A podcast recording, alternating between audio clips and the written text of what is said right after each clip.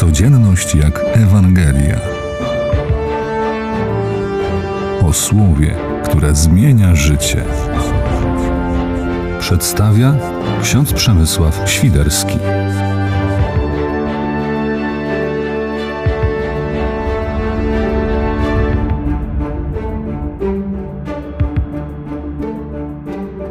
Nabierzcie ducha, podnieście głowy. Są to odważne i mocne słowa Zbawiciela. Apokaliptyczne filmy bardzo często straszą nas zagładą, e, wojną, kataklizmami. Roztaczają przed nami wizję rzeczywistości, której nie będziemy w stanie sprostać. A Jezus mówi: Nabierzcie ducha, podnieście głowy. Dlaczego? Bo zbliża się wasze odkupienie.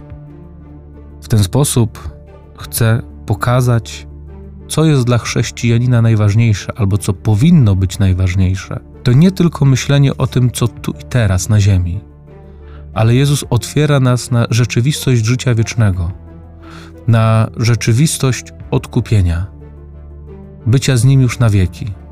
Dlatego, jako chrześcijanie, możemy nie bać się końca świata.